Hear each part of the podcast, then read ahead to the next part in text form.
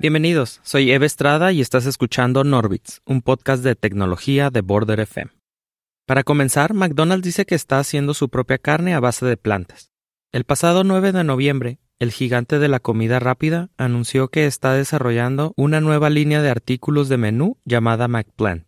El McPlant está hecho exclusivamente para McDonald's por McDonald's, dijo Ian Borden, el presidente de los negocios internacionales de la compañía en una presentación para inversores el pasado lunes 9 de noviembre. Borden dijo que McPlan podría incluir hamburguesas a base de plantas, sustitutos de pollo y otros artículos. Algunos mercados probarán la hamburguesa vegetal McPlant el próximo año. Según Borden, la compañía cree que tiene un producto probado y con sabor delicioso. Cuando los clientes estén listos para él, estará listo para ellos, dijo Borden. McDonald's se había asociado con Beyond Meat para crear una hamburguesa vegetal que fue probada en Canadá. El ensayo se interrumpió en abril 2020, sin planes de continuar la prueba. Después de que McDonald's causó sensación cuando anunció su nuevo McPlant y la declaración de la compañía que decía que la nueva fórmula de sustituto de pollo y hamburguesas a base de plantas se hizo internamente, hizo que las acciones de Beyond Meat cayeran. Sin embargo, McDonald's exageró en cuanto a su papel en la creación de McPlant, ya que en realidad se desarrolló en conjunto con Beyond Meat, según un comunicado proporcionado a CNBC. Las acciones de Beyond Meat estuvieron en una montaña rusa, con acciones deslizándose por el temor de haber sido rechazada por McDonald's, y luego aumentando con la aclaración de que estaba involucrada en el proceso.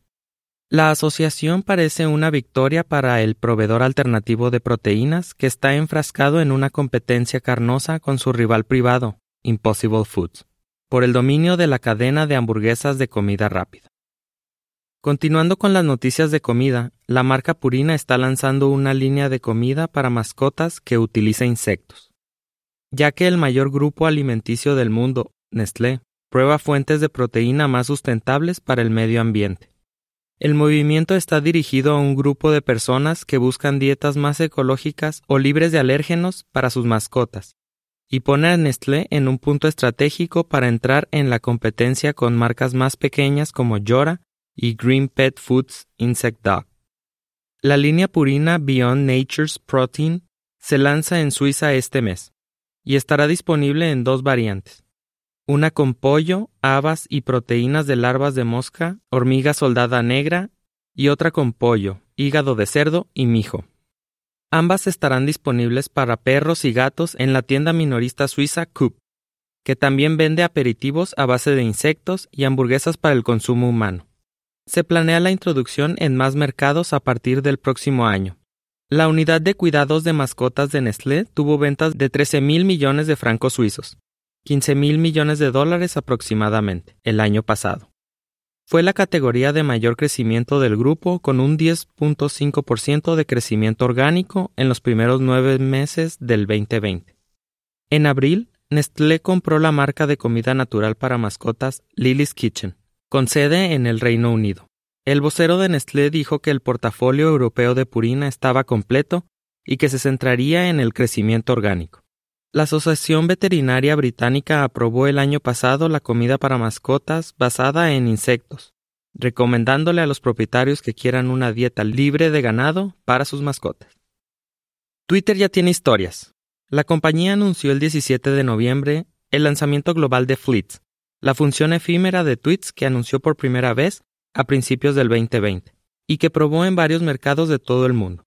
Ahora cualquier usuario de Twitter móvil, independientemente de dónde viva o en qué plataforma se encuentre, tendrá acceso a la función de mensajería que desaparece, que se ubicará justo en la parte superior de la línea de tiempo en una fila de burbujas tipo historias como todas las demás redes sociales que usted se imagine.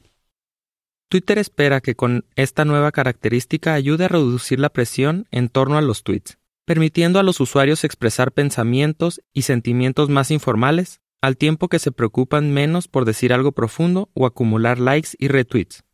Fleets comienza a implementarse hoy mismo en Android y en iOS, y debería estar disponible para todos en los próximos días, dice la compañía. En su nivel más básico, Fleets es un clon de Stories, que toma prestadas todas las mejores ideas implementadas por Snapchat e Instagram.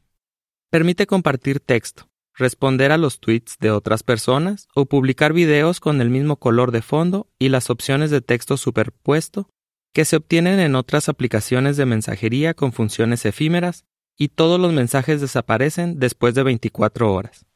También puede responder a fleets de otros por medio de un mensaje directo o emoji al creador, lo que iniciará una conversación de DM similar a cómo funciona el proceso de respuesta de las historias en Instagram. Twitter dice que también introducirá stickers y retransmisiones en directo en algún momento en el futuro.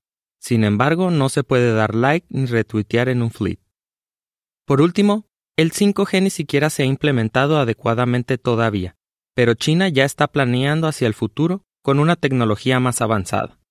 El país asiático lanzó con éxito el 6 de noviembre lo que se ha descrito como el primer satélite 6G del mundo en órbita.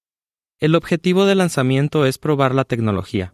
El satélite de vanguardia fue enviado al espacio con otros 12 satélites desde el centro de lanzamiento de satélites de Taiyuan en la provincia de Shanxi. El satélite lleva el nombre de la Universidad de Ciencia y Tecnología Electrónica de China y servirá para probar el rendimiento de la banda de frecuencia de 6G en el espacio. Se espera que la 6G sea más de 100 veces más rápida que la 5G esto se debe a que utiliza ondas terahertz de alta frecuencia para lograr velocidades de transmisión de datos impresionantes. Además, el novedoso satélite también cuenta con tecnología que se utilizará para la vigilancia de los desastres en los cultivos y la prevención de incendios forestales. Por ahora, no hay garantía que la tecnología que se está probando se convierta en un estándar final. Gracias por escucharme. Recuerden entrar a border.fm para poder ver el resto del catálogo. Hasta la próxima.